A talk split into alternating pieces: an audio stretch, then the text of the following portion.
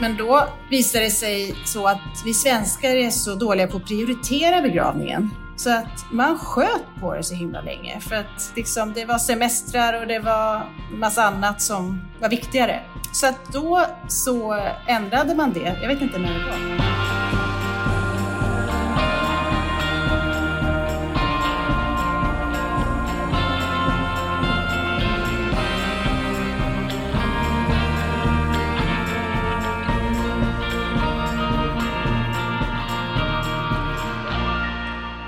Hej Elin. Hej Kattis. Du ligger nedbäddad i en uh, säng i Italien. Har jag sett på Instagram. Ja. Så fort det är synd om mig måste minst 15 000 människor veta det och säga stackars dig. Ja. Då blir allt bättre. Ja. Så är det. Eller hur? Nej men eh, vi spelar in nu och då har jag ju tagit mig till Italien och Bordigera där Alex är med ungarna och firar höstlov. Till er lägenhet? Mm. Exakt. Och jag ligger faktiskt inte nerbäddad för att det är så varmt. Jag har fönstren öppna. Så ligger jag liksom uppe på täcket. Men mm -hmm. växlar liksom mellan täcke och inte. Och det är bara uh. så här klar himmel idag och ljuvligt där ute. Men jag mår inte toppen liksom. Vart är du? Nej, då är det ju ingenting som är så ljuvligt. Nej, nej men precis. Det här tar vi ju upp varje gång någon av oss är förkylda. Men men det finns faktiskt alltså, forskning. Med, jag, vet, jag vet inte vart begreppet mancold kommer ifrån egentligen. Nej. Jag känner att det är womancold. Ja, eller min analys av det då är att mm. jag pallar ganska mycket. Liksom, jag, jag gnäller inte så mycket i onödan, men sen när jag blir sjuk jag tror liksom till exempel att jag var för sjuk för att åka hit. Jag borde inte åkt hit. Alltså, Nej, jag borde precis. blivit frisk först. Så då tycker jag sen ja. att det är fruktansvärt. Men sen vet ja. i forskning visar ju verkligen att det liksom, man får depressionskänslor av förkylning. Det är något som händer. Det är inte på riktigt då. Det är som att vara full liksom. Ja, inflammation. Ja. Inte bra. Så jag, allt jag tänkte igår var det värsta, hade jag pikat. Tänkte jag så här, om jag tänker och känner så här äh, om några dagar, då tar jag ja. tur med det då. Det var väl klokt. Har du haft så någon gång när du liksom är bakfull? Så här att du vill ja. typ skjuta dig själv och så, men så bara, men vänta, det kan ju ha något att göra med att jag är bakfull. Ja, det har jag absolut. När man var jag tycker, yngre. För mig så, så, är det som en sak i livet generellt som jag har så KBT mig själv till. Att, att träna på att skjuta upp saker tills man kan ta tag i dem. Att bestämma sig för att så här, kan jag göra något åt det här idag eller vill jag göra åt det, något åt det här idag? Och om svaret är nej, då bestämmer man när man vill eller kan göra något åt det och så försöker man släppa det tills dess. Och då är du bara lycklig till dess? Eh, I alla fall liksom inte ihopsnörpt av ångest. Det här funkade absolut inte när det gäller den där jävla svampen. Nej. Um, det finns grader i helvetet. Ja, det finns grader i helvetet. Jag är liksom lite nervös för att åka dit. Typ som att det så här, kommer komma ett monster och möta oss i dörren. Herr Grå. Välkomna Herr hem! Grå. Gud, usch. Ja. Men jag hade faktiskt en jätteskön helg för jag kände också att jag höll på att bli sjuk. Och eh, till skillnad från dig så var jag klok då och stannade hemma när min familj åkte iväg till mina svärföräldrar. Gud vilken win-win på alla sätt. Ja, och det var verkligen så här Jacke som typ fick övertala mig till det för att man har någon pliktkänsla att ah, det var också att jag saknat mina svärföräldrar för de är så pensionärer som bilar runt i Europa och dricker vin hela tiden. Gud vad härligt. Eh, och nu har de kommit hem med jättemycket vin. Ja. så jag är sugen på att träffa dem. jag förstår. Du ville liksom Men... dricka upp deras vin. Nej, men jag vill också prata med dem. Uh, jag tycker om dem. Ja, vad kul. Och Eh, men då var det så skönt att han övertalade mig till det och att jag också var liksom så här, eh, lite, lite sjuk. Mm. Så att jag kunde inte göra någonting annat än att ligga i soffan och läsa. Så jag har läst klart Valleboken nu. Hurra! Eh, jag också. Har, ja, hurra! Gånger två. Ja. För vi har ju gjort vårt första samarbete med Bookie. En prenumerationstjänst där du där, de, de har ju alltså ett kurerat urval av fem böcker per månad som man får välja mellan och så väljer man en som kommer hem på posten. Och oktobers bok, för oss i alla fall, var ju Balleboken. Exakt. Solveig Balle. Det vill säga Solveig Balle som har skrivit boken Om uträkning av omfång. Exakt. Och jag fattar det som att det är första boken av sju. Tack och lov. En septett. En, ja, det var roligt för jag har ju hållit på med en roman och då var det från början tänkt som en trilogi och där fick jag feedback från agent och ett förlag så att superbra men kanske som debutant börja med en bok, det är lättare. nu, Solveig Balle är ju ingen debuterande författare men, men en, en, alltså sju böcker är ändå, de är inte jättetjocka men jag tycker det känns positivt. Hon tror på framtiden. Exakt, verkligen. Efter att ha flyttat ut till en ö, typ, och isolerat sig. Så återkommer hon med en septett. Men ehm, då finns det, har ju du en liten kod som man kan använda om man vill eh, vara med i våran bokklubb. Ja, om du går in hos Bookie eh, och anger Elin hem i versaler, det är alltså stora bokstäver, då får du en bok på köpet när du startar igång en 6 eller 12 månaders prenumeration hos Bookie. Perfekt. Och tack Bookie, vår första samarbetspartner. Tack Bookie! Varför tänker jag bara på Sigge Eklund och Alex Schulman när jag säger tack Bookie? Det är, så- inte det sjukt? det är som att man liksom härmar dem som, Ja, som, som har gjort samarbeten Ja. i, i tio år. De har inget med det här att göra. Noll. Nej, det är som att jag ganska ofta hör eh, när jag skriver typ en krönika eller läser en krönika att man hör så här Carrie Bradshaw, Sex and the City. Man hör liksom hennes röst. Våra samtida referenser. Ja, nej jag vet, jag vet. Men den här veckan är det ju höstlov. Idag är tisdag så det blir halloween-fir här i Skönstaholm där jag bor. Men sen är det ju också allhelgona. Ja. Du har ju precis eh, förlorat en god vän i Italien. Ja. Och förra året så förlorade du en bror. Mm. Och jag har förlorat min pappa. Alltså det är mycket så här... äh, vi är väl i en ålder i livet där äh, saker händer. Ja. Och nu pratar jag i privatlivet för att jag, jag kommer inte ens gå in på allt som händer i världen på temat död. Nej. Nej. Eh, men då var ju du på ett antal begravningar i fjol eh, som du liksom blev väldigt berörd av på ett fint sätt. Alltså Ja. själva ceremonin. Ja, och det var ju inte... Det var ju två, två män oberoende av varandra dog eh, när de var 40 plus under förra året, lämnade barn och mitt i livet, piss bara. Och båda de begravningsceremonierna arrangerades av systrarna Ocklind. Eh, och jag gissar att det var det du ville komma in på. Precis. Jag vill eh, bjuda in systrarna Ocklind i samtalet. Ja. Så vi ringer upp dem. Det gör vi.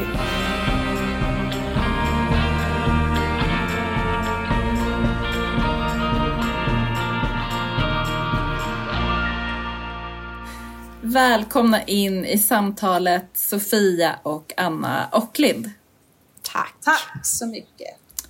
Sofia, du och jag har ju liksom eh, gått parallellt, för du var AD på L i en massa år. Det stämmer. Så vi kände ju liksom varandra från modebranschen. Alltså vi träffades liksom i New York på modeveckan första gången. Mm, precis. det gjorde vi.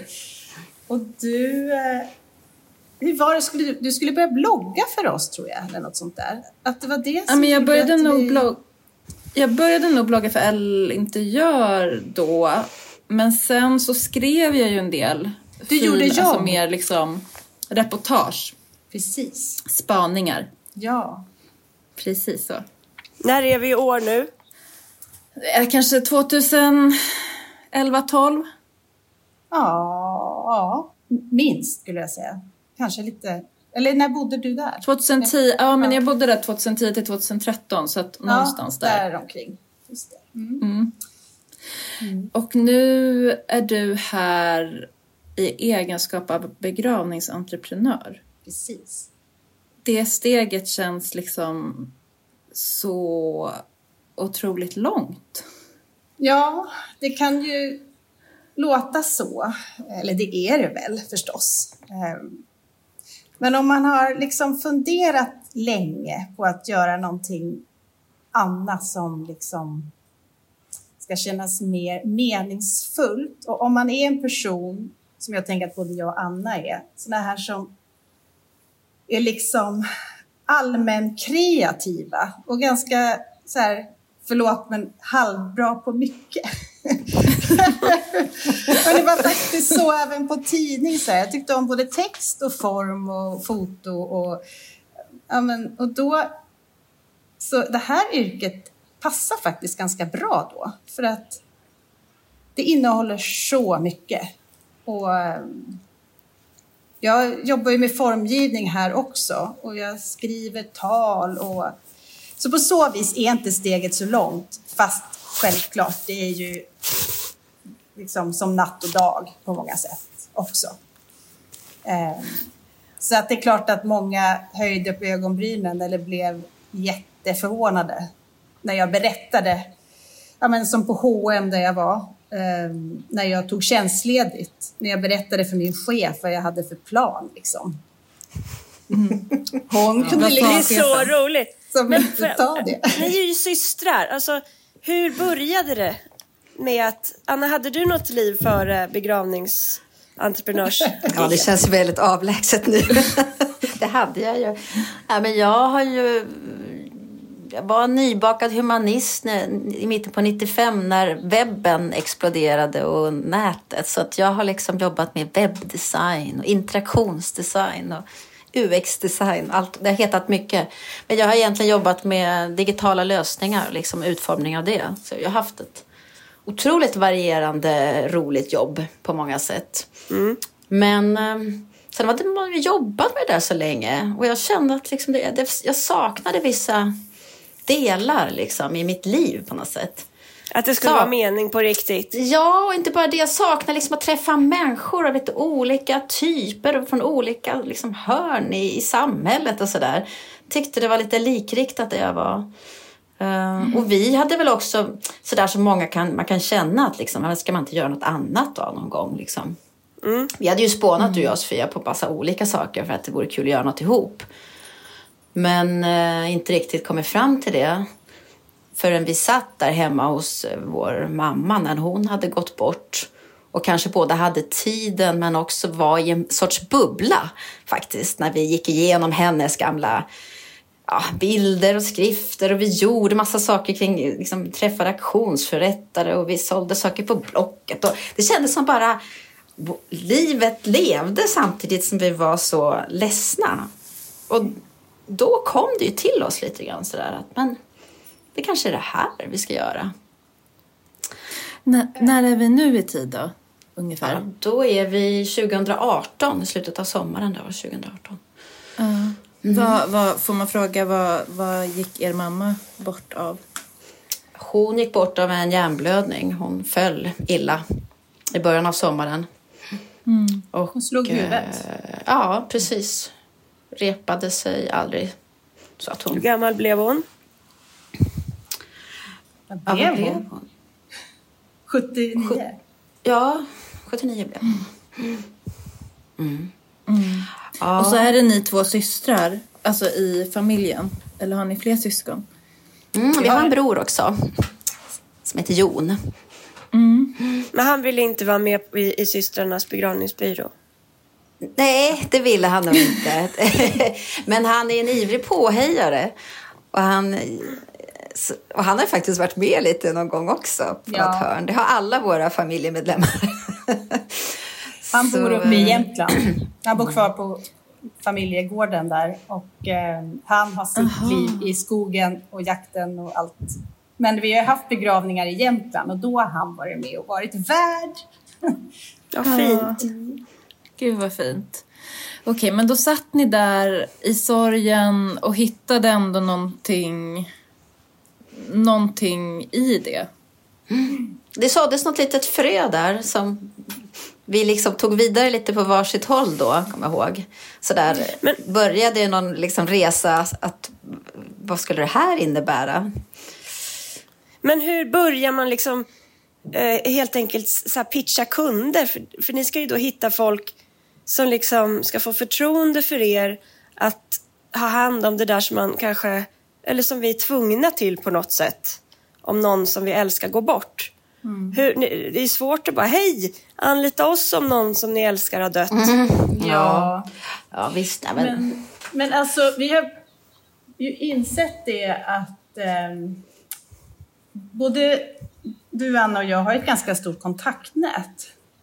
Och eh, det var ju faktiskt vänner till oss som vågade ge oss uppdrag fast vi, ens, vi hade inte ens startat då. Utan de... Oj, berätta mer. Ja. Ehm, ja, men när vi, vi pluggade ju ehm, lite olika saker, alltså både begravningsrådgivarutbildning, officiant. Och det finns en sån utbildning. Det fanns då, vi hade sån tur. Mm. Allt det här vi har gjort, det är som att någon har liksom bara stakat ut vägen åt oss. Allt har bara liksom kommit när vi har behövt det faktiskt. Mm. Rätt häftigt, men då, precis när vi ehm, började leta efter utbildning, då fanns det en halvårsutbildning eh, på distans från Göteborg. Ehm, och, ehm, och så började vi praktisera och så där under det här året vi var tjänstlediga. Men då var det ju så att det var vänners ja men, föräldrar, eller ja, vänner till oss behövde begravningshjälp. Så då med hjälp av de som vi hade praktiserat hos så kunde vi ta hand om deras begravningar. Och sen så blev det så att ryktet, ja, det spred sig. Och sen, så det är ju mest rekommendationer faktiskt. Ehm, Men sen hade vi ju turen också att få, vi var med i ett SVT-program, dokumentär, precis när vi startade också. Det hade vi ju Ja. mycket glädje av. men vi hade ju också lite tankar om, vi insåg ju liksom när vi var i den där rollen att vi är ju ofta, eh, vi är lite målgruppen. Kvinnor i vår ålder som är, mm, ja, ibland kliver in som familjens projektledare. Kanske tycker om liksom eh, vackra miljöer och, och också liksom eh, eh, är lite sinnlighet. Alltså flera av de där beståndsdelarna såg vi så att det här tas ju inte om hand hos så Nej. många. Nej. Och så har vi försökt liksom berätta om våra tankar och det har vi väl ändå också kunnat Alltså det har ju tagit tid men vi har ju, vi har ju kunnat förmedla det och insett Ja. att det, det är fler som uppskattar de här sakerna. Ja, jag hade verkligen gjort det när min pappa gick bort. Jag är ju liksom äldsta dottern och eh, blev väl tillsammans med hans flickvän, eh, min syster bor i Göteborg, så att det blev ju liksom vi som drog det där. Så att man satt ju på begravningsbyrån och så ska man liksom bara peka i någon katalog på fem sekunder om blommor och kist. Alltså, jag är väl också precis målgruppen egentligen. Jag hade uppskattat det jättemycket. Bara att, alltså det var inte som att det var... Det var väl varken mer eller mindre än vad man förväntar sig. Men det var ju också så första gången som man mötte den situationen. Eh, Ja, för att jag tänker liksom att eh, den här podden Hemtrevligt eh, av någon anledning tyckte både Kattis och jag att det kändes helt naturligt att bjuda in er liksom, eh, vid något ti- tillfälle och prata om Hemtrevligt. Och nu när döden har kommit och knackat på precis igen liksom på nära håll för mig och vi står inför de här eh, högtiderna där vi på något sätt vad ska man säga, firar de som har lämnat oss så kändes det som en sån perfekt timing att men då får ni komma nu. För de ceremonier som jag då har varit med på som ni har hållit i så är det ju helt otroligt fruktansvärt också för det har varit personer som inte alls har levt klart sina liv kanske då. Men ni har ändå lyckats göra det hemtrevligt. Usch, jag kommer börja grina. Men vad fint att få höra det, att du säger Ja, Det är fantastiskt. Eh, eh, och det, allt det här ni säger känns liksom runt er. Så Ja, det är ju det, Det- och det, det är precis av. det vi skulle vilja att, att, förmedla. Så det är ju så himla fint att få höra det. För är det någon Mm. gång man behöver en hemtrevlig känsla i både liksom bemötande och bli lyssnad på, men också som du säger även när man är med som en deltagare i en ceremoni, så är det ju det i det här jobbiga. Om man kan Mm. är ge så- en gnutta av den liksom, tryggheten så är vi ju så glada. Precis, för det är ju exakt det. Det har ju, pratar ju vi mycket om och skriver om i vår bok också. Att det handlar ju så mycket om trygghet. Ja. Och sen kan ju det manifestera sig i vackra saker eller musik eller tal och sådär. Men det är också den här grundkänslan av att liksom bli buren när man själv kanske inte Nej, men det, det, jag tycker du slår verkligen orkar. liksom, vad säger man, huvudet på spiken. Ja, men för att vi vill ju, att, att bli sedd. Kattis önskan hon hade känt att ni skulle hållit i pappas begravning. Va? ja. Gud vad det blev Ja, det är... jättekänslosamt. Det är lite grann som typ så här, att man, att man liksom... Alltså det blev en jättefin begravning och sådär. Eh, men jag tänker att det också är ju en möjlighet att liksom bearbeta sorgen. Och det tror inte jag att jag kände att det liksom fanns utrymme för eller att, att jag hade gärna velat ha liksom någon som, som gick bredvid mig i det tror jag. Men vi är här nu. Ja, och jag tänker bara det här som det du, som din reaktion just nu, det är ju också en del i hela bearbetningen. Men det tycker jag är ganska, som vi märker också, om man har, varje gång man går på en begravning så blir det ju lätt så att man går igenom tidigare begravningar också. Alltså att man, man eh, tar farväl till alla man har förlorat på varje begravning man går på ofta, för att det kommer upp så mycket som ja, men de tidigare man har förlorat på något sätt finns ju med en där också i alla samtal. Att bli sedd liksom det, och, och lyssnad på, det har vi nog tagit fasta på rätt mycket. Att man märker att inte bara den familjen vi jobbar med liksom, och gör det här tillsammans med, som vi, utan gästerna eh, som kommer har, har också behov av det. Så att, eh, Det är nästan det svåra om vi känner att vi inte kan hinna med det och lyckas med det. För att det... Men, och det har ju vi som en, alltså, vi tycker det är så viktigt så att vi, eh, alltså från början till slut. Eh, vi, vi är ju bara två personer, vi räcker inte till alla gånger. Vi kan inte svara på alla samtal eller så. Vi försöker ju, men, eh, men däremot vi gör ju så till exempel att vi, alla som anmäler sig till en begravning får ett svarsmail där vi berättar om allt som kommer att hända. Eh, Hur det kommer att gå till för att skapa trygghet. Alltså så att, för att de flesta är ju, känner sig oroliga och osäkra. Eh, och många är så rädda för att göra fel. Och, så att ju mer vi kan förbereda alla och skapa trygghet även i liksom, förväg så blir det lättare på plats. Och bara det att många då kommer fram till oss och säger att "Ja, men vi har ju haft kontakt. Eller Ja. på vägen in. Så att det är som att de kommer, inte hem till oss, men ändå i vår... Liksom, Ja, De vet har att en de är omhändertagna. tillsammans där. alla. ja, och att de blir omhändertagna av oss. Ehm, och det gäller ju, försöker vi skapa även om det är liksom 20 personer där eller om det är 400. Man vill ju få den där känslan i, Men i det, rummet. det, det jag slog, har slagits av de då två gångerna jag har varit på begravning inom liksom, loppet av ett år ungefär, som ni har hållit i, så är det att personen som har gått bort känns som den största huvudpersonen och att hela ceremonin är gjord för hen.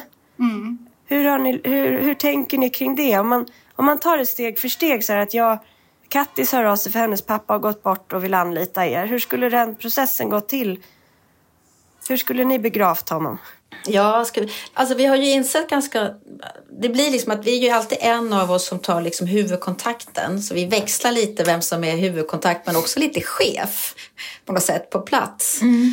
Uh, och om vi håller i själva begravningen som, som officianter då märkte vi också att då är det lika bra att det är den personen som gör det också. För att från första stunden så knyter man ju en kontakt och börjar förstå att okej, okay, det här är en familj som som vill ha hjälp med det här, liksom fokus på en viss del och personen vi tar avsked var det här. Liksom. Så det börjar så steg för steg så bygger vi på det tillsammans.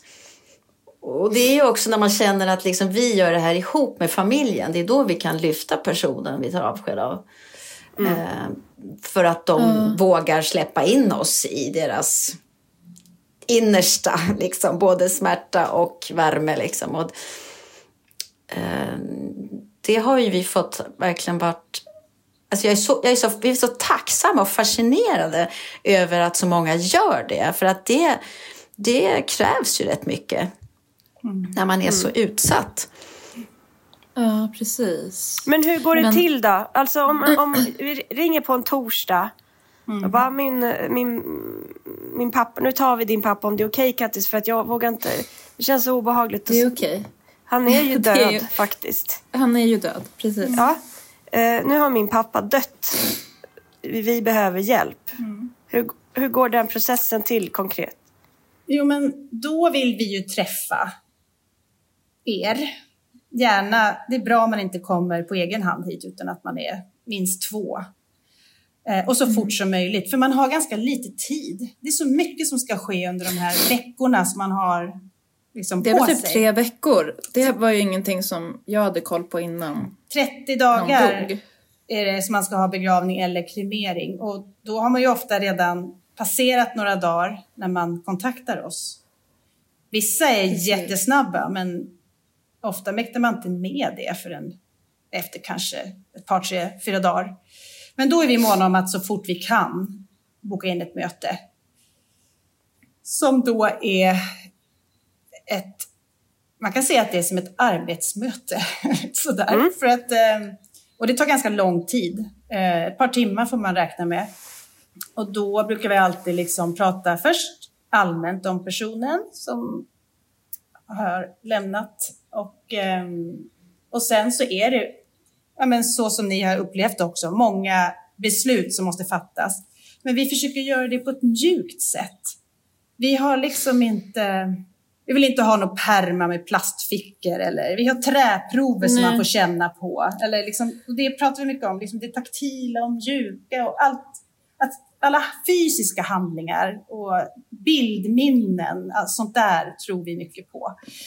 Eh, men det kan vi ju, ja. Men hur som helst, så om vi ska vara officianter då, då bokar vi in ett Vad nytt... Vad är det? Förlåt? Begravningsförrättare, det är att man leder ceremonin. Mm, eh, om man inte är i kyrkan och inte en präst gör det. Utan... Ja, en borgerlig ceremoni då, då. Så, som vi Min pappa sett... begravdes i kyrkan, men det var ju liksom, tror jag... Alltså dels så kände ju vi, både jag och min syster och hans flickvän, att han hade någon slags tro. Um, även om den kanske inte var helt kristen. Men, men jag tänker att det också var liksom för att vad är alternativet? Mm. Alltså det, det var, ganska, var ganska otydligt och så ska man väldigt snabbt ta ett beslut kring det. Ja. ja. Det är och, inte lätt faktiskt. Nej. Men det måste vi också säga, vi gör ju mycket kyrkliga begravningar också och de går också att göra så personliga och vackra. Vi älskar kyrkan också. Men det är ju ett Oavsett underbart rum. tro eller ja. inte så är det, det, det finns så mycket där som gör gott i sorgen. Halleluja, mm. jag, är hundra procent med på det spåret. Alltså, ja. och, och det finns ju en tro, alltså var, den ena då, de här två var ju, in, var ju inte i en kyrka men den andra var i ett kapell. Men det var ju lika mycket eh, storhet och någon slags mänsklig tro i båda mm. fallen på ja. olika sätt. Utan att prata religion liksom. Mm. Och, och det, är väl det tomrummet som ni kommer och fyller viktigt. ut. Mm. Och det är ju vi något vi pratar mycket med, försöker liksom övertyga de familjer som kommer till oss att vi tror ju på ritualen. Alltså en mm. borgerlig begravning kan vara egentligen precis vad som helst, men vi har ju tittat mycket på kyrkans ordning och försökt liksom göra en del av de momenten till icke-religiösa. Alltså det som gör gott för människan. Att man gör, har liksom en högtidlighet och att man gör saker tillsammans. Som att alla står upp vid ett visst tillfälle och tackar. Eller så, för det, Att manifestera lite vår samling för den här personen. Ja, precis. Hedrande i det. Men hur väljer man lokal? Ja, men det gör man ju ihop med familjen. Vi har ju varit på väldigt många ställen nu här runt om. Så att vi kan ju ofta ge tips och råd. Eh, Men sen kan det ju också vara rent praktiskt att kapellen, de har man ju gratis för att man betalar kyrkoskatt. Och, eh, Och de rymmer ju många gäster också. Ja, så det Och finns ju alltså- mycket där. Så. Men jag skulle vilja fortsätta berätta om det här med bara det här med hur vi, som din fråga där Elin. Vi har ju ett möte till med familjen då vi bara pratar om den avlidne. I det fall vi håller i ceremonin. Om vi, ja, men precis. Och sen vill vi alltid prata med fler så att vi får olika infallsvinklar på personen. För alla vi är ju, vi har ju så många sidor och facetter. Och en Det här kompis, tyckte jag... Det må, jag vill bara flika in för att det var en sak som blev så himla tydlig för mig just på pappas begravning på liksom efterfesten. Alltså vi kallar det typ för det för att skoja. Eller för att han var en festlig person. Och det var människor där som han hade jobbat med som jag aldrig hade träffat innan. Och eh, när de berättade om sin relation med honom så var det ju som att jag också fick syn på en, på en annan sida av honom. Ja, Och det var så himla fint. Alltså det var en av de sakerna som jag verkligen, verkligen tog med mig från själva begravningen. Nu får jag gåshud när du berättar det, för det är så man vill ju. Alltså att det är ju man ska ju få... Alltså det är ju någonting det här att höra att han har betytt, eller hon, betytt mycket Mm. för andra också. Att höra deras ord på det. Så man kanske inte som förväntade sig. Nej. Ja, och att få höra det där och då, det, ja, men det tror vi gör skillnad. Sådär. Men det som jag bara ändå också, det som jag, när jag skriver tal och sådär sen då, då är det ju som att jag på riktigt känner personen, fast jag inte gör det. Och det, det tror jag du också Anna. Det är ju som att jag sitter bredvid den här som jag ska hålla begravningen för. För att jag målar upp en hel bild. Så att när jag Ja. står där och berättar så är det ju som att jag känner personen. Så kan jag ju inte säga, för det gör jag ju inte. Men min känsla är den. Ehm, Och, Och det jag är ju blir också väldigt- förtjust alltid. Ja. Blir alltid, eller vi båda, vi blir så nära och förtjusta i de Så personerna. fascinerade, man kan bli så Ja. inspirerad av val som människor har gjort. Men jag tänkte också på det där som du frågade Elin, det här med att det ska kännas att det är den här personen i, i fokus såklart som vi tar avsked av. Alltså, det är ju det ändå som är fint i den borgerliga ceremonin och att vi kan inspirera och liksom möjliggöra att våga ta ut kanske lite svängar ibland också. När det är liksom vissa låtval eller om det är andra eh, vad det nu kan vara för rekvisita som kommer in och förstärker. Att man kan säga att ja, vi gör det. Vi, vi, vi kan det. Är det praktiskt möjligt liksom, Ja. så gör vi det. Men ni var ju på en båt nu såg jag i DN. Det var så lustigt. Ja, att det Alltså, kom. sammanträffanden bara så här, jag bara, men shit vi ska ju prata imorgon och så såg jag i DN det här reportaget. Men hur gick det bara liksom? Varför hamnade du på en båt i det fallet? Det var en båtbyggare. Så att vi, ehm, Det var vi, väl let- lämpligt. vi letade båtar helt enkelt. Ehm, så att det, ja. Och många gånger har ju faktiskt familjen med sig någonting sånt där. Att man, man liksom beskriver att vem är, vem är det nu som vi... Ja. Liksom.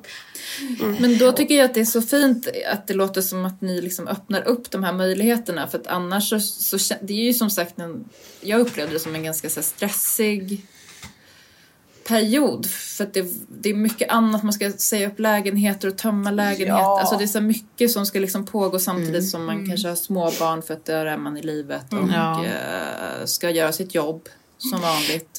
Är Så att, så att det är fint att, tänker jag, att, att man har då någon som kan liksom bolla tillbaka att så här, vi kan göra det här, vi kan hitta en båt. mm, ja, men visst. För att eh, man kanske känner att det är det man innerst inne hade velat göra. Men att man tror att det inte är möjligt på något sätt. Nej. Och så är det ju ofta. Vissa kommer ju hit och har sådana ambitioner att de vill göra det mesta själva. Men sen märker vi liksom att under de här veckornas gång så lägger de över mer och mer på oss för att man mäktar inte med. Men då kan Nej. vi ändå göra det möjligt. Alltså då blir det ändå det de önskade. Fast de kanske inte är med på samma vis själva.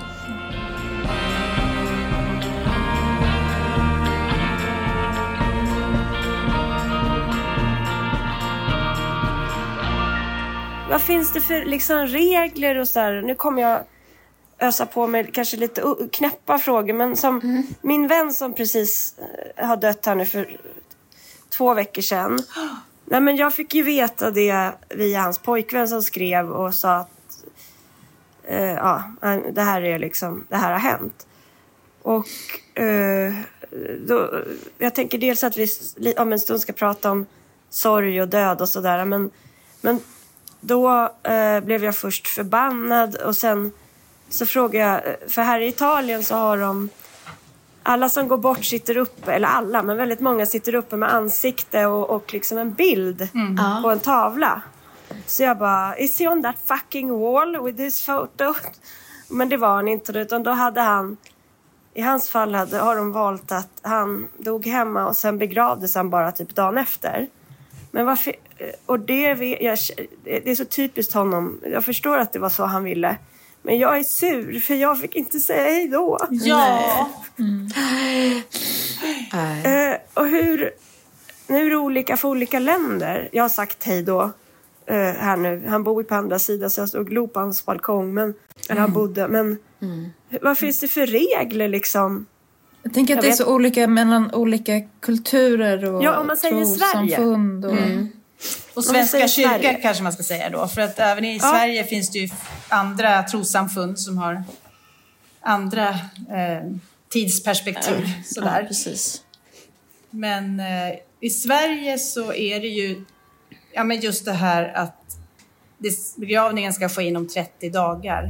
Ehm, och det är enligt lagen, alltså begravningslagen. Förut var det två månader, men då visade det sig så att vi svenskar är så dåliga på att prioritera begravningen. Så att man sköt på det så himla länge. För att liksom, det var semestrar och det var massa annat som var viktigare.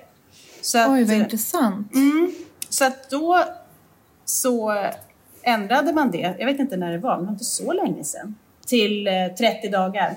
Mm. Ehm, men... Så här eh, behöver man, man behöver mana på oss svenskar till skillnad från många andra kulturer i Men Europa. är det liksom för att vi är så bortkopplade från ceremonin Ja. i, Ja. livet på något sätt? Ja. Alltså, och döden? ja, det tror jag, det tror jag. Och att vi bara kör på, vi vill inte befatta oss med det där.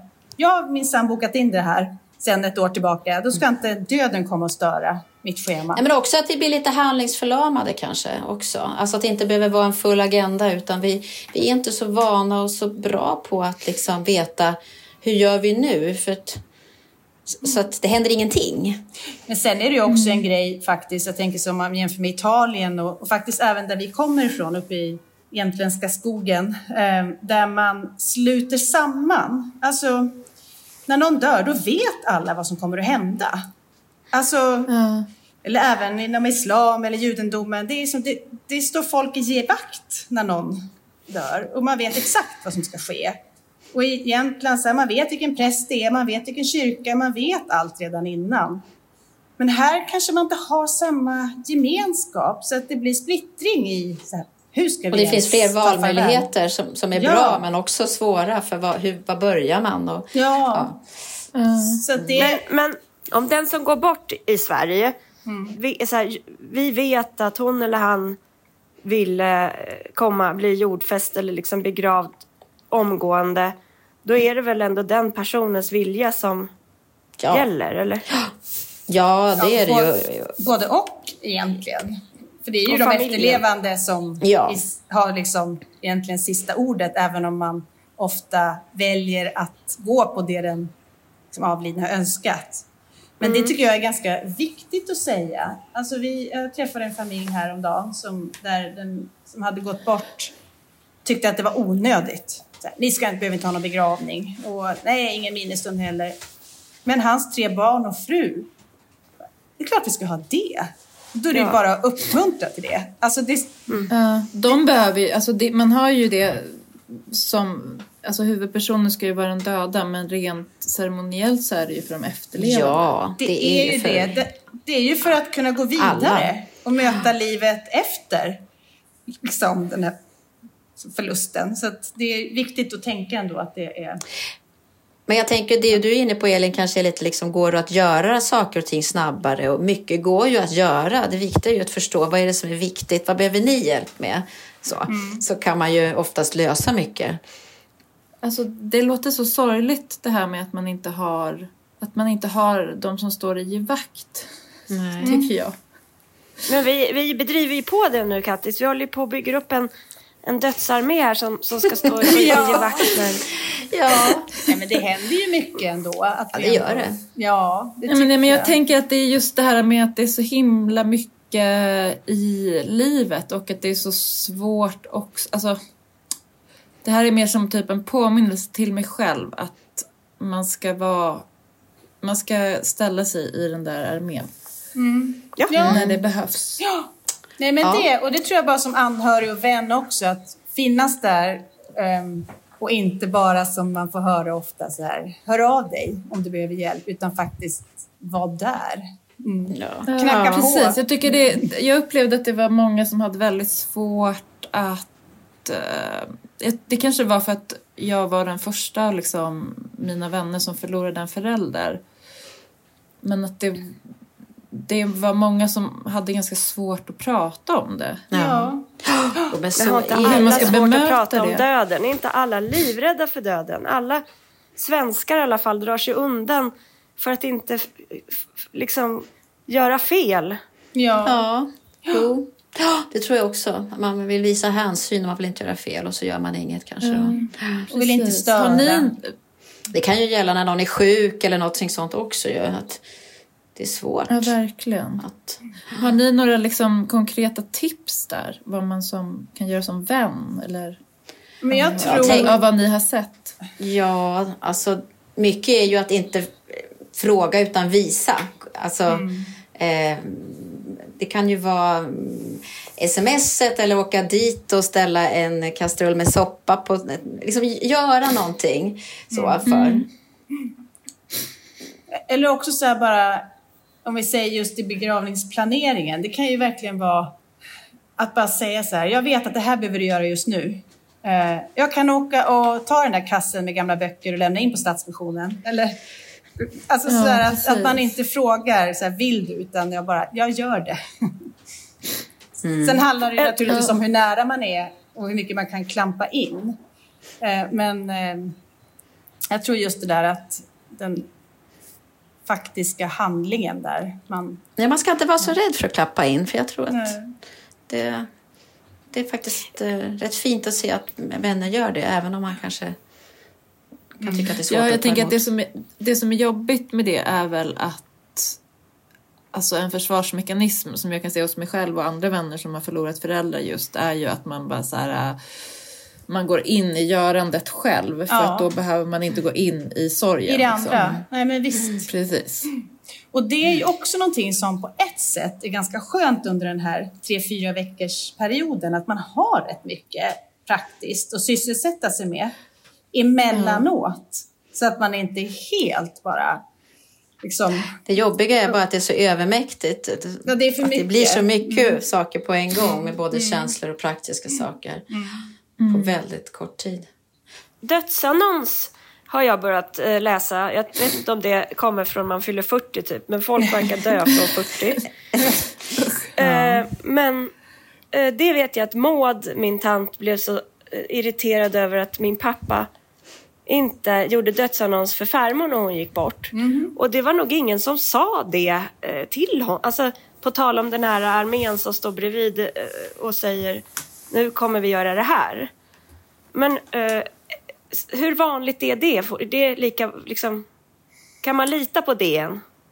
Är, det där, är alla loggade där som har dött? Liksom? nej, Nej, det kan man absolut inte. man, Men får alltså, betala, man får ju betala ganska mycket för en annons där. Så att, Ja. det- Men alltså helt klart majoriteten av våra kunder så sätter ju in en annons. Och varför gör man ju- det?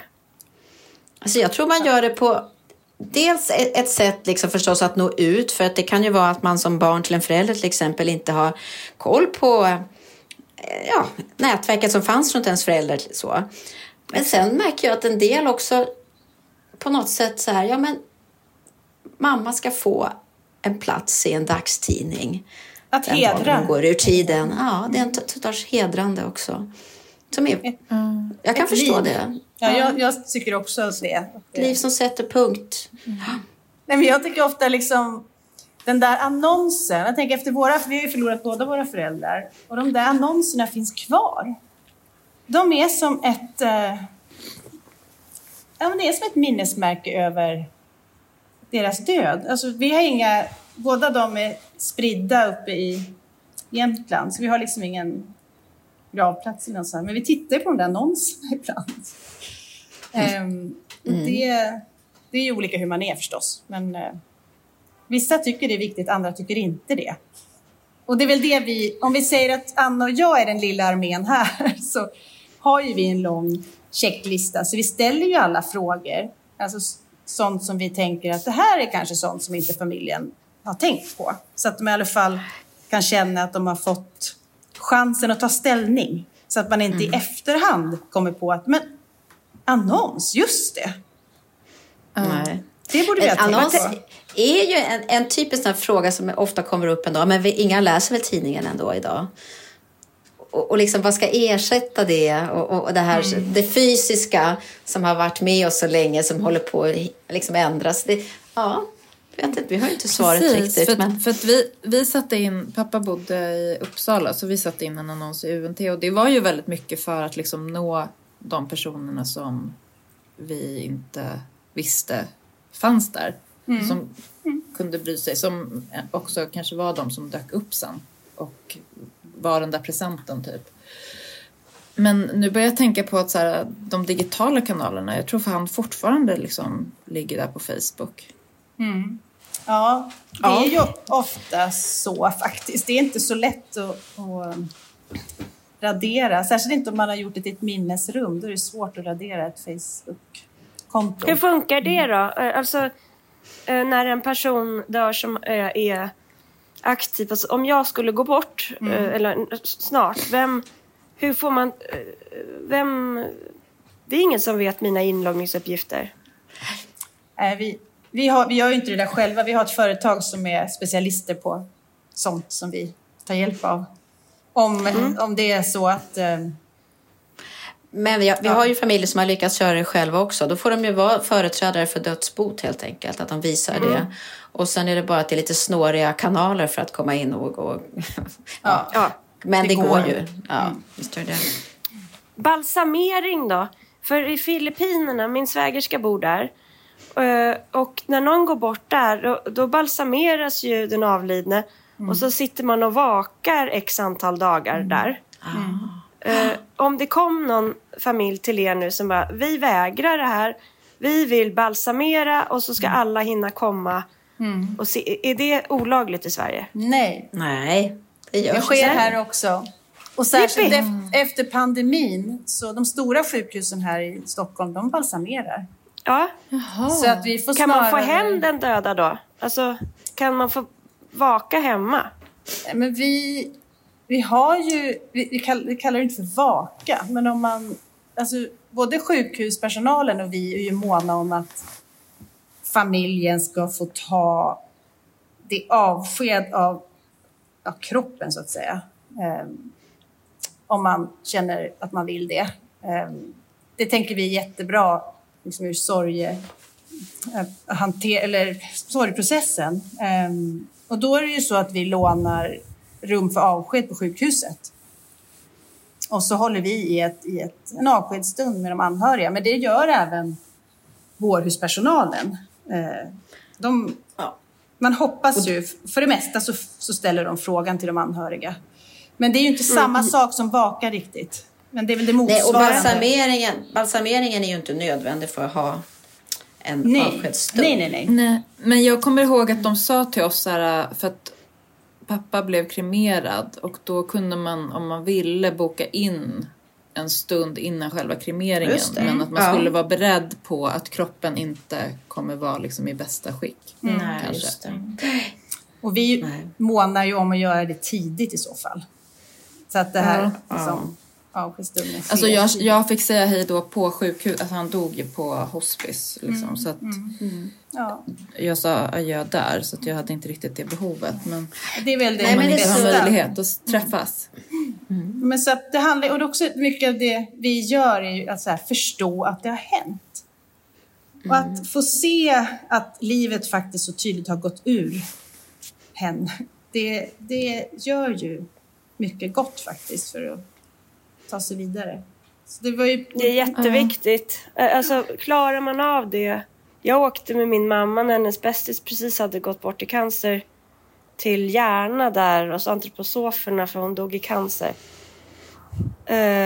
Men det var helt avgörande för mamma eh, att få se henne. För de bodde på andra orter, de hade inte Ja. setts på många år. Nej men precis, det, kan ju, det är så olika hur ett dödsfall sker så att det är väl det som verkligen kan avgöra alla händelser efteråt, vad man behöver. Det kan ju bli fler avsked ibland. Vad Precis. tror ni om döden? Vad har ni... Har ni någon, har ni någon vad ska jag säga, regel att ni inte pratar om det? Eller vad? Vad menar jag? alltså, Vi Nej. är totalt öppna och har väl alltid varit även hemifrån. Alltså, ja. det kanske är därför det liksom inte så, ska man säga? Det är ganska lätt för oss, kan man säga så? Det låter så konstigt kanske, men Ja, men Inte har tabubelagt. nej, det är nog mer att vi har haft vanan att prata om det. Sådär. Så att, att, att jag tror mycket på det, att man måste öva sig på saker lite. ja. Jag kände ju nu att jag var helt oövad eftersom jag började grina efter fem sekunder. Men vi gråter också en hel del. Jag tänkte säga, vi gråter jätteofta. Det, det, det är inte så att vi, vi tycker, vi blir så påverkade väldigt ofta faktiskt. Kanske inte när vi ska vara de stabila i, under ett kundmöte eller så, men eh, nej. av musiken och vi får höra någonting eller liksom. Nej, men vi är inte rädda att bli berörda, men man kan ju gå ut och in ur känslor ganska så snabbt. Lite som Ja, nästan. det är väl det. Sen blir vi ju, liksom, vi sätter ju på oss jobb. Jo, vi är ju där för att, vara de som man kan luta sig mot. Jag minns så tydligt, min son var tre år och han satt ju liksom igenom hela begravningen utan att riktigt förstå vad som hände och Ja. eh, liksom hela då eh, fikat och så efteråt. Och sen på kvällen så, alltså han började gråta. All, han har aldrig gråtit på det sättet. Alltså han bara, Oh. Han hade liksom tagit in allas känslor på något sätt Ja. utan att förstå. Och sen så bara kom det ut och han liksom grät på ett avgrundssätt. Ja. sätt. Jag vet inte. Och han kanske såg alla Alltså- de här som annars är så stabila och de Exakt. vuxna som alltid står stadigt. Ja, det är Att ju de- också omskakande. Ja, att de gråter och är ledsna och inte beter sig som de brukar. Ja. Och Det, Och även så Det här- främmande vuxna som står och gråter. Alltså det är ju, ja. ja. Men det här- är mitt, bara min personliga, jag, ni har ju mer expertis på området, men min tes är att inte eh, skydda barnen från döden. Eh, utan att det egentligen, det måste ju vara upp till den individen i ålder och läge och relation a- att liksom följa med på en begravning eller inte. Men att, att våga, alltså, det, för vi står här sen i slutet och är helt oförberedda för det är, bara, det är som något som sker bakom det dolda, liksom höga murar. Det tyckte jag kändes helt självklart att, att både jag och min syster, hennes dotter var väl bara ett, och, ett år drygt, men de satt där med sina små bilar liksom längst fram och fick springa iväg om de ville och det är på något sätt liksom, jag tyckte det kändes så viktigt att det var så här livet och döden på samma gång. Ja. Men jag vet inte, som Elin säger, ni kanske har så här psykologisk kunskap om Ja, vad men vi har väl tagit del av lite psykologers expertis, men egentligen är väl allas råd är ju det. Att ta med dem utifrån det som du sa, förutsättningarna hos både vuxna och barn förstås. Men att, att vi gör det tillsammans. Alltså vi vuxna har ofta mycket att lära av barnen, för de kan liksom de kan ta det på ett mer avväpnat sätt.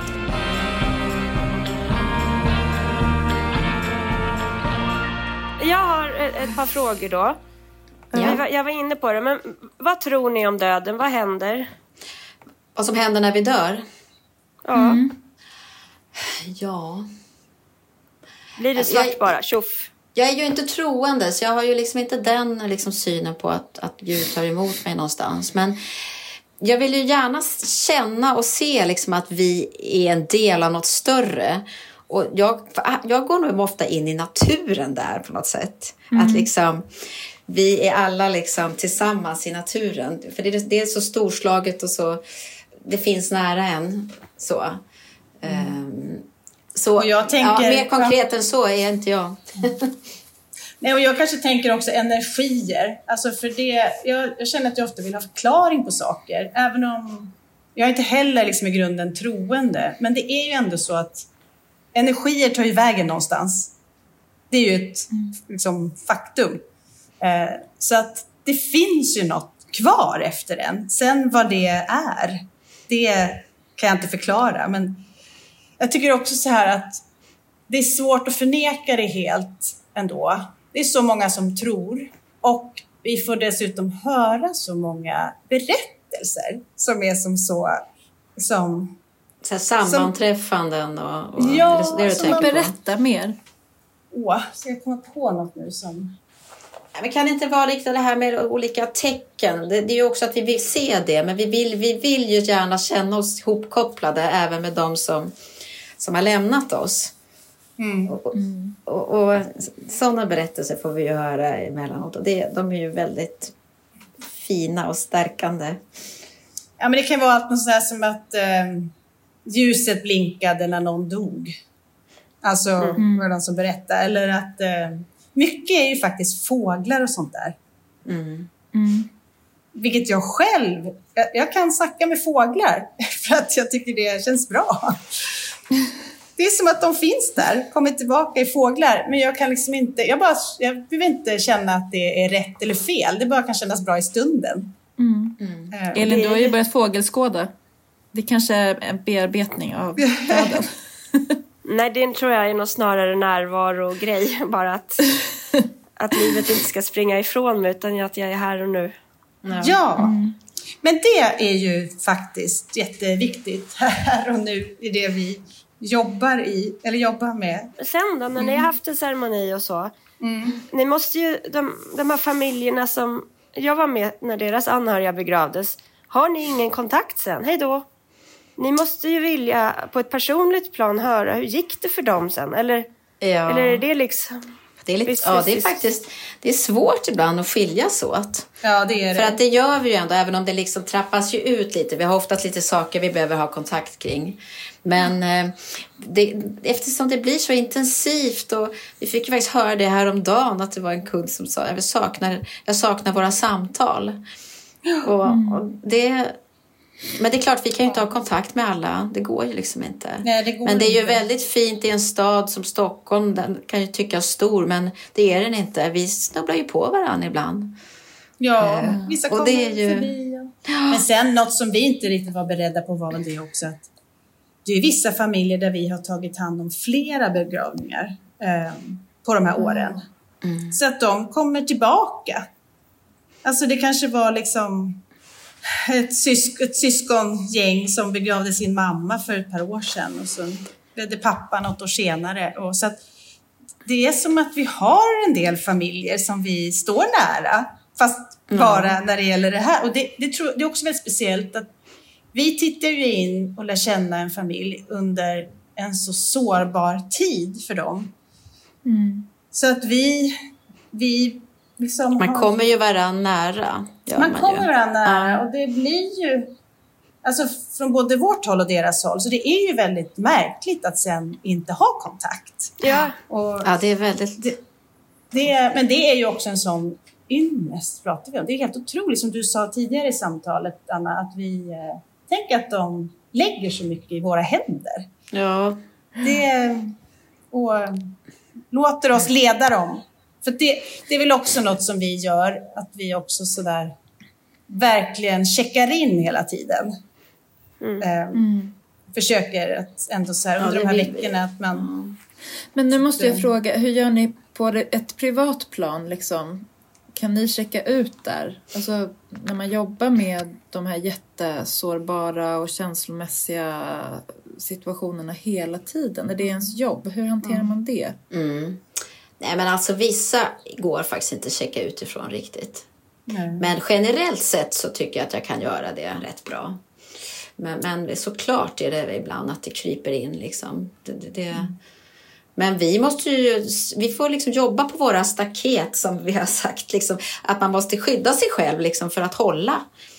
Um, ja. så. Alltså det är på många sätt. Alltså det kan handla om öppettider till vår lokal och att vi får jobba ostört när vi behöver det. Och, alltså det, det är saker som vi inte hade tänkt på när vi började tycker jag. Mm. Att hur vi behöver mm. värna om vår både tid och vår liksom, äh, återhämtning.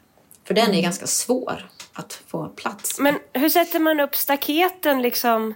Hur, eh, är det där en del av staketet, öppettider och... Ja, också äh, samtal, att, att, att försöka sätta förväntningarna tidigt att Eh, vi jobbar liksom vardagar, eh, arbets, vanliga arbetstider. Vissa eh. smsar ju dygnet runt nästan. Ja, alltså det, det, Men det är också ju att säga, då. att säga när någon ringer.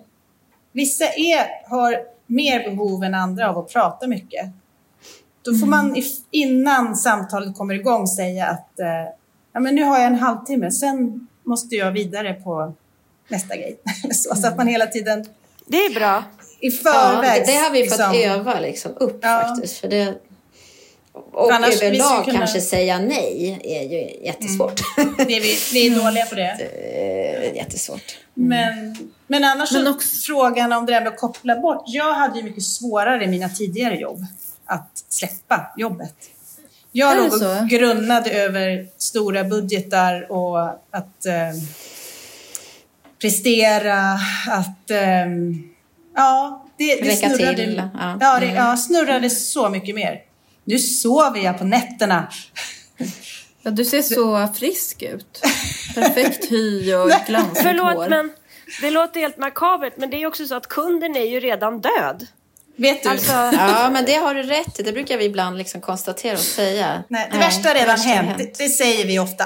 Ehm, för att det är precis så. Jämför med att vara kirurg eller ja, men liksom ja. där ehm, om man inte lyckas. Ehm, här, här är det faktiskt så att det har hänt finns det ju en förlängning i det att det är ändå väldigt mycket laddat så inget får gå fel. Så att det finns ju en hel del stress i vårt jobb och också ja, att vi måste att lita på att andra gör det de ska utan att vi dubbelkollar hela tiden för det har vi inte tid mm. med. Och det där har man ju mm. fått jobba med lite grann. Is i magen, liksom att hålla ja. ett lugn trots att och, ja, ja, det känns och det är faktiskt nervigt.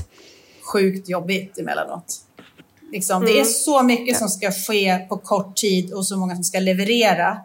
Det är alltid vi som är ansiktet utåt. Så om det är någon som, liksom, om det skiter sig någonstans, en blomma, en handblomma som inte kom, som inte ens vi har varit liksom inblandade i, så är det ändå vi som får liksom stå där. Ja, stå där till svars och det är ja. så mm. otacksamt um, ibland. Det, men sen får vi så mycket tacksamhet också. Men den där grejen är jättesvår tycker vi båda. Um, och, men sen också det här att vi kommer till nya platser hela tiden. Mm. Mm. Och vi... Nya förutsättningar som man inte vet. Vad, vad händer här? Vem är det vi ska jobba ihop med? Och, och är det som vi har ja. planerat? Ja, det, ja. Mm. Vi är ganska så ändå att det kan vara stökigt på insidan och oro. För det, men vi har ju fått höra att vi utstrålar lugn. Och det där försöker vi liksom intala oss själva. Det, det, det, märks nog inte. Verkligen. Men, men sen är det också skönt att vi har varann. Det, det ja. är liksom en röd tråd faktiskt i vårt företagande. Att det är jäkligt skönt att ha varandra. Ja. Ja, hur är det att jobba ihop som syrror? Ja, det är grymt. Ja, men vi har, vi har det ju faktiskt väldigt bra ihop. Ja, Nej, men det går jättebra. På alla sätt alltså.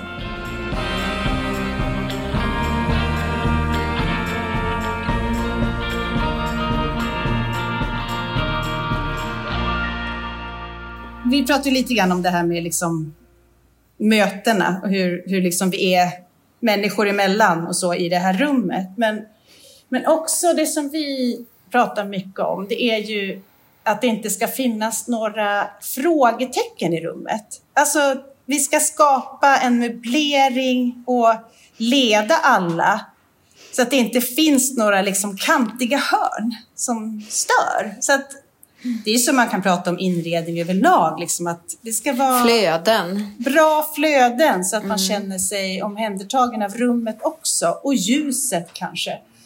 Men sen också det som vi tycker är lite roligt är ju det att som i branschen när vi började så här researcha och kartlägga lite så såg vi ju också att ingen vågar sticka ut. För Många byråer vill, vill nå alla och tar man då ställning så är man rädd att skrämma bort någon. Det är därför väldigt många har kanske gråa väggar och neutrala vitt. möbler Ja. eh, konst som inte säger någonting.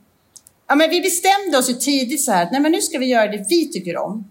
För det kanske attraherar några i alla fall. Ehm, och då är det ju så att vi jobbar, vi tänker mycket på liksom att det ska vara mjuka material. Det ska inte kännas massproducerat. ehm, Nej, eller naturmaterial i alla fall. Liksom, trä Ja. långt Men- det går och tyg. Ja, men och linne och ja. Men menar ni både på ert kontor? För jag ser nu, dels Anna, du sitter ju på toaletten för att vi inte skulle bli eko.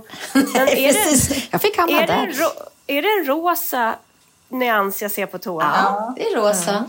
Det är rosa och blått. Rosa Jag letar blått efter den ja. perfekta, perfekta smutsrosa vill jag ha. Ja, den här är faktiskt jättefin. Jag har den på en möbel Men- hemma också. Men är det både kontoret ni pratar om nu och eh, i samband med själva begravningen? Ja, det är det, ju. båda. För vi kan ju ta med mycket till begravningar liksom med dukar och eh, bord och sådär som vi känner att nej, men det, här, det här tycker vi utstrålar värme och är fint. Det är gediget. Undvika plast och det är många som använder plexiglas nu i, i liksom begravningssammanhang för det är ju lätt, eller lätt är det kanske inte men det är ehm, det är praktiskt och bra. Och de tycker det ser modernt ut. Ja, alltså så här att Förlåt, de vill få... men nu, nu ser jag en kista i plexiglas. Nej, men däremot stativet som kistan står på kan ofta vara i plexiglas.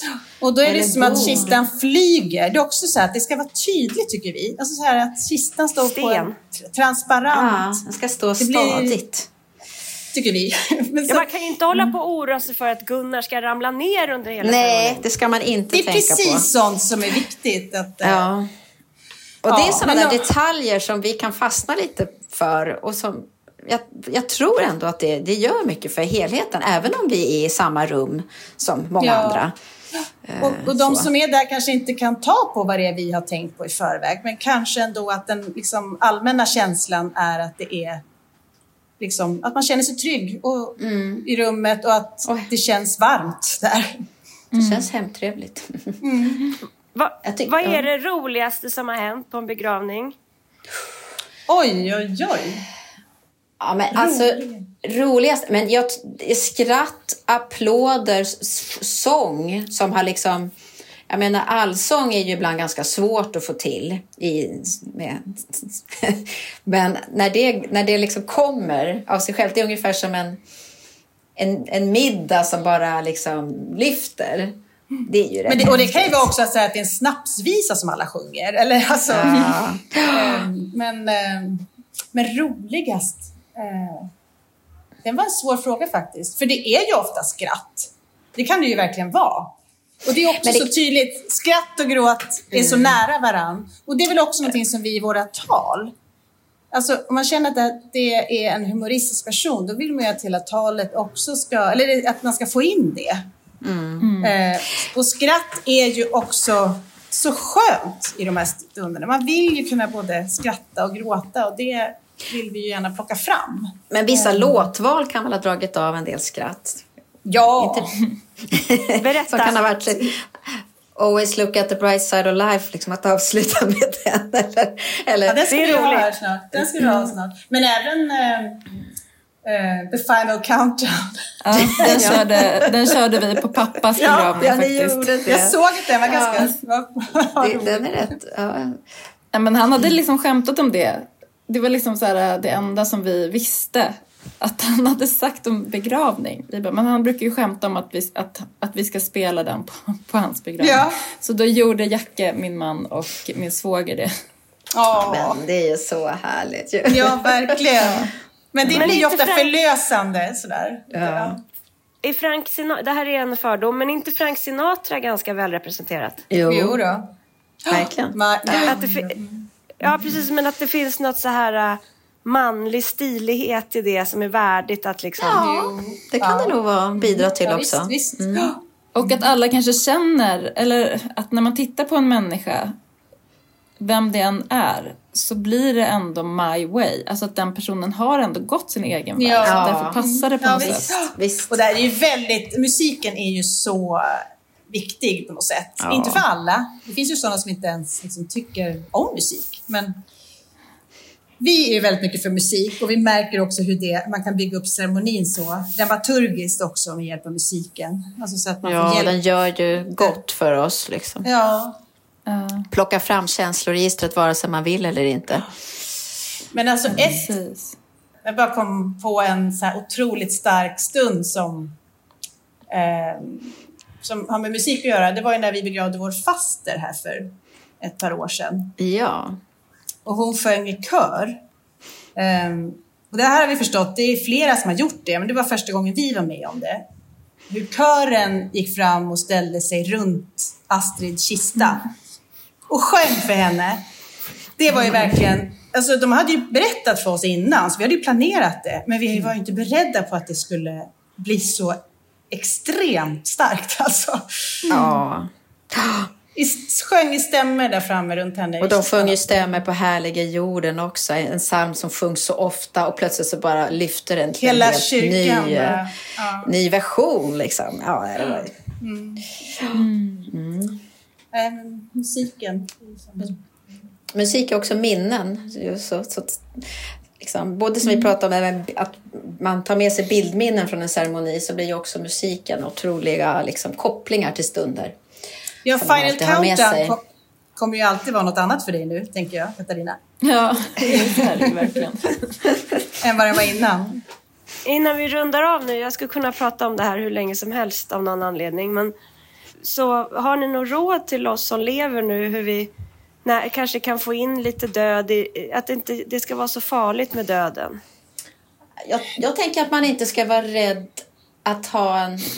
Inte rädd för det svåra. Alltså, det kan ju vara annat än döden också. Det kan ju vara rädsla att bli sjuk eller att mista någon på något annat sätt. Eller att man liksom börjar ha den dialogen med sig själv och kanske med andra. Att liksom, hur, hur känns det här? Hur, hur kan jag ta det här jobbiga i handen och liksom eh, bekanta mig med det?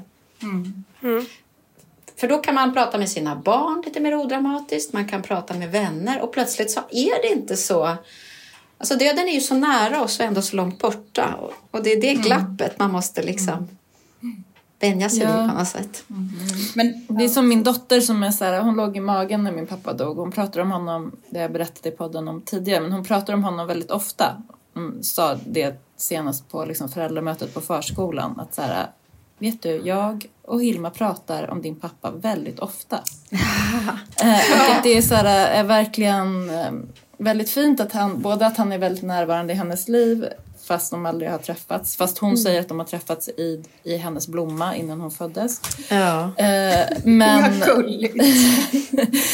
men att det är en sån bra kanal för henne när hon är ledsen. Alltså att hon, då, när man bara har så en allmän liten oros eller sorgkänsla så kan hon alltid prata, då kan hon prata om morfar Olle. Ja, gör- och då finns ju han med. Ja, och då får hon liksom också utlopp för den där känslan som hon kanske inte riktigt kan sätta ord på. Nej, precis. Det här är min tolkning av det, men Ja, men så kan det ju Men- säkert vara. just så här att barnen ibland är klokare än vad man själv är. Men jag tror också det här med att man, eh, det här är lite klyschigt också, men att eh, ja, men leva i nuet och ta vara på det man har. Eh, Och tänka att det kan faktiskt ta slut när som helst. Har det blivit annorlunda för er sen Ja, men det tycker jag nog. Sådär, att man märker att det verkligen är så, att det kan ta slut när som helst. Och då menar jag inte att man ska gå och vara orolig. Inte så, men mer så här att bara vara på något sätt vän med tanken att det kommer ta slut, när det nu än gör det. Men att så här, passa på och lev. Passa på att säga de där sakerna du vill säga. Och sen om du gör det varje dag i 30 år till, det gör väl inget då? Då har du ju i alla fall gjort det. Eller? Ehm, Och reda Så att- ut saker som skaver. För det, det är så sorgligt Ja. att se när, när det liksom inte har gjort det. Sådär, nej, det blir ju... konflikter och allt vad det kan vara. Det är Liksom, att man, man, ja. Är det en sån sak som ni märker liksom, kan med träffa anhöriga och så ligger det och skaver något som inte klarades Ja. upp? Tyvärr tycker jag vara. att det är rätt vanligt ändå att vi har liksom... Ja, Det är bra att ta saker med som sig. kan tyckas liksom, som kanske är lite oviktiga och någon annan skulle höra om dem eller sådär, men som har blivit något stort. Och det, ja, nej, det är det värt Det är konkret. Det är ändå skönt i allt det här som man inte vet något om att ha, få lite konkreta tips från er. Verkligen. Ja, men då, då har ni... Vi vet vart vi ska vända oss. Eh, Ja. kommer ni starta fler byråer? Nej, det kommer vi inte. Ja, Anställa men då? vi, ja, men Ja. vi har ju ja. vänt och vridit på det. Och vi eh, ska nog det. Ehm, för att vi, eh, vi jobbar väldigt mycket och vi eh, vill, vi vill göra mer saker också. Ja, men vi gjorde ju det här för att leva också ett bra liv på alla sätt. Så att det måste ju vara liksom, en bra balans. Så att vi skulle nog behöva någon typ av förstärkning. Men vi vill ju inte bli någon stor byrå. Vi vill ju ha det här i liten skala. Jo, för det, Men det- tänkte jag på där vid Skogskyrkogården. Så först så var ni och delade ut näsdukar eller vad det var. Och sen så... Alltså inte som att det kändes oprofessionellt utan familjärt. Och sen eh, tal. Och sen skulle blommorna från kistan ut. Och sen kom likbil. Alltså det är ju väldigt många eh, liksom, delar i ett flöde där ni råddar runt. Alltså ni skulle Ja. bara, det säger vi ibland, tänk om folk visste vad vi gör. Alltså för att det är något, det är helt Alltså vidden, bredden av Ja. olika saker. Att här som du säger, dela ut, dela ut saker och så. Ja. ja det är lite roligt. Ja. Men vi gillar ju det också, det är ganska skönt att göra Ja, allt. mixen. Så. ja, mixen Det tycker är jag också. fin. Ja, ja. Både vikt- näsdukarna och talet liksom. Yes, ja, Ja. men faktiskt. Det, det, det, du ringer in Så något är det. viktigt där. Men sen är det ju så här att vi ibland... Alltså, jag hade ett, var hemma hos en familj på förmiddagen och hade ett sånt där ceremoni officiantmöte. Då är man ganska matt efter det. Och sen vet man liksom att man har tio samtal som ligger och väntar. Eh, plus att man måste få iväg massa beställningar. Eller man måste, liksom, det är de där, ibland blir de där eh, kontrasterna lite svåra för att det är så mycket som ska ske på kort tid. Och det är där vi tänker kanske att vi ändå kan ha en person som hjälper oss att kratta lite. Ja, vi behöver det. Det låter bra. Ja, så, Ja, att det vi, låter bra. så att vi håller i längden. Mm. Ehm, men, och sen så tänker vi kanske att vi också... Alltså inte kanske att vi ska växa så att vi ska ha jättemånga fler. Eller det vet jag, men att vi också tänker att vi skulle kunna ha ett eget ceremonirum på sikt. Ja. Det vore Eller- Jättehemtrevligt. Det är vision. Ja, Ja, det, precis. det är en vision. Och det är, så, det är mer så att vi drömmer. Det kan, inte så här som... Det är så kul hur många av våra... Om, om, man, om man träffar kvinnor så brukar de ofta fråga om så här hur, ja, men hur känns det? Eller hur är det? Eller um, mår du liksom, trivs du med det du gör? Medan många män så här frågar, så här, ah, ska ni växa? Franchise, har ni tänkt på det? Hur ska ni skala upp? Ja. Det känns liksom som... Jättegeneraliserande nu. Det här känns ju som ute på Nej, spot djupt on! vatten. Men det är, Spot on, jag känner samma sak. det är så Ja, roligt ändå. Eh, Och vi, vi, det blir ingen franchise. Så. Begraver ni djur förresten? Eller är det bara människor? Vi har inte fått den frågan faktiskt. Nej, Men vi, jag vi, vi är ja-sägare. Elin har ju många djur som dör. ja! Åh nej. Alltså, de lever också, men har man många djur Har man så många är det djur, många ja. som kan dö. Ja, så är det. Men våran boxertik, eh, Lucy, gick bort och då anordnade Lisa, äldsta dottern, en fin ceremoni. Hon blev ju 13 år, alltså Ja. det var en familjemedlem. Men hon är i gravsten och så ute på en ö i skärgården. Nej, men vad fint! Ja, Lucy Ja. fick det. Mm. Ja, men det är ju lika viktigt det. Alltså, våra hundar hemma, egentligen, de fick ju gravstenar och grejer, men inte människorna. Nej. Lite komiskt när man ser tillbaka på det. Ja, vi har faktiskt en hel liksom, kyrkogård där bakom oss. Olika. Här ligger... Ja. Ja. De är många nu. Ja. Tack för att ni ville prata om det här med oss. Ja, tack för att vi fick vara med. ja, jättefint att få vara med. Vi är glada över det. Ja, det var rörande och berörande. Mm. Jag måste nog dra ihop en ceremoni här för Emanuel innan vi åker hem. Ja, Ja, det ska du göra. Gör Det ska du göra. Hoppas du frisknar på dig här snart. Ja, känns bättre idag. Bra. Eh, trevlig, ja, trevlig allhelgona om ni firar, säger man så? Ja, Om ni göra. uppmärksammar det på något sätt. Vi, vi behöver inte vara korrekta. Fira! Fira Ja, nu firar vi helgona och Mm. firar Ja, alla. firar. Alla som har levt Ja. innan oss. Precis. Det Kram säger på vi. er! Kram! Kram, kram. Hej då! Hej då! Hej. hej. hej. Hej.